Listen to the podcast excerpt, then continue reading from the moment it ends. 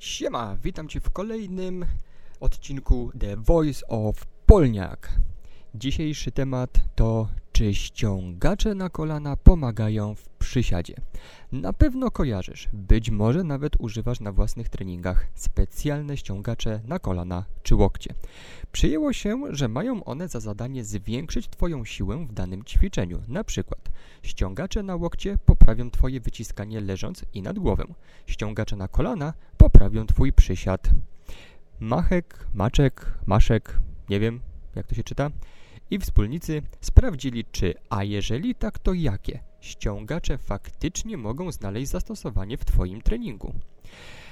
15 młodych mężczyzn wzięło udział w ich badaniu. Wszyscy byli dobrze wytrenowani. Ich średni rekord na jedno powtórzenie w przysiadzie wynosił 169 kg przy średniej masie ciała 88 kg. Także naprawdę solidni zawodnicy. Uczestnicy wzięli udział w trzech testowych sesjach. Na każdej sesji sprawdzono ich wyskok dosiężny, wyskok z przysiadu, jedno powtórzenie maksymalne w przysiadzie, jedno maksymalne powtórzenie w wyproście kolan jednonóż i serię do załamania mięśniowego na 75% ich maksa w wyproście kolan jednonóż siedząc. Uczestnicy odbyli każdą sesję treningową w trzech różnych rodzajach ściągaczy na kolana.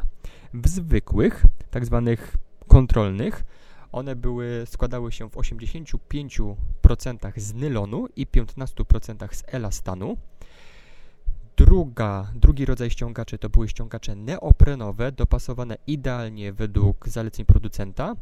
I trzeci rodzaj to były również neoprenowe, ale w, rozmiarze mniejszym niż zalecany przez producenta.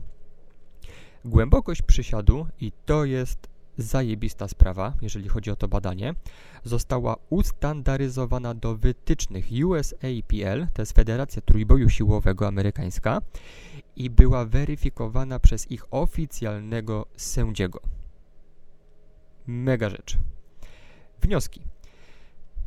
Maksymalne powtórzenie w przysiadzie, maksymalny ciężar był zdecydowanie wyższy w grupach ćwiczących w ściągaczach neoprenowych niż w zwykłych, a różnica ta wynosiła 5 kg. I zauważ teraz, bo może Ci się wydawać, że no dobra, no ale goście dźwigali po 170 kg, 5 kg, czy to robi tak dużą różnicę?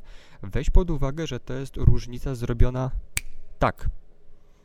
Czyli w, jakby w trybie natychmiastowym. To nie jest różnica wypracowywana przez, nie wiem, 10 czy 15 czy 20 tygodni treningu, tylko to jest różnica, która była związana tylko i wyłącznie z założeniem ściągaczy. I to weź jeszcze pod uwagę, że to była różnica pomiędzy grupami trenującymi w ściągaczach, bo grupa jakby kontrolna również trenowała w ściągaczach, tylko po prostu w tych tak zwanych zwykłych, a nie neoprenowych. Więc też pytanie znowu, jaka byłaby różnica y, pomiędzy grupą kontrolną, która by trenowała bez ściągaczy, która by robiła przysiady bez ściągaczy, a myślę, że różnica byłaby jeszcze większa. W, y, w innych parametrach nie odnotowano żadnych istotnych różnic. Zatem interpretacja jest taka. Badacze są zdania, że poprawa możliwości siłowych w przysiadzie dzięki ściągaczom neoprenowym jest możliwa z dwóch prawdopodobnych przyczyn. Po pierwsze, ucisk poprawia czucie mięśniowe, a zarazem pracę mięśni.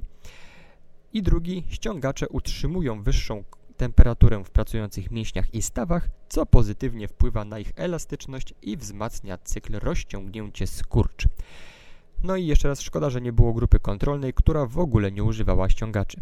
Jeżeli powodem większej siły w przysiadzie była większa temperatura mięśni i stawów, to nawet nylonowe ściągacze powinny poprawić siłę w przysiadzie w porównaniu z grupą kontrolną.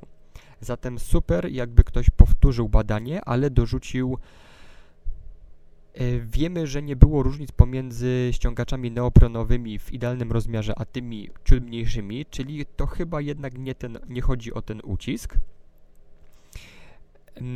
tylko chyba jednak chodzi o tą temperaturę mięśni i stawów.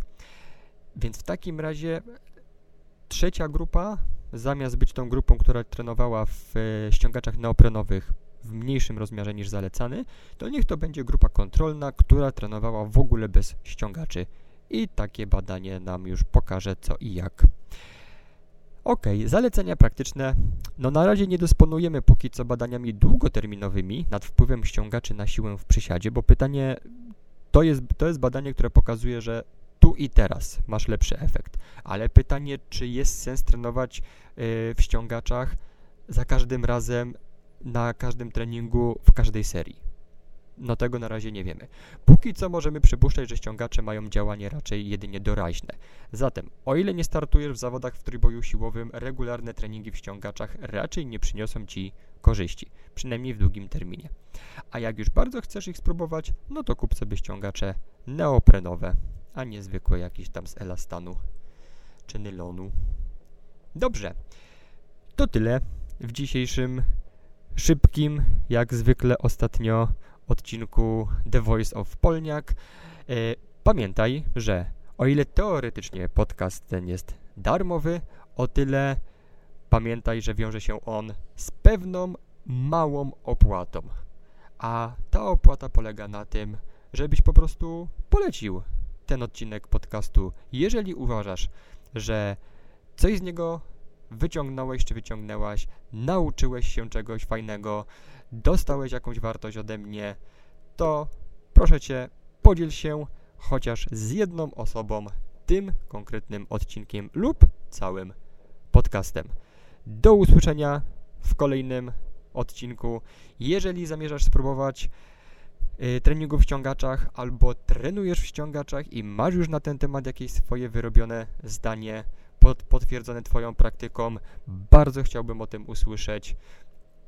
Daj mi znać o tym, czy to w komentarzu, yy, czy napisz, napisz do mnie maila, znajdź mnie w social mediach, gdzieś na pewno, na pewno do mnie jakiś kontakt znajdziesz.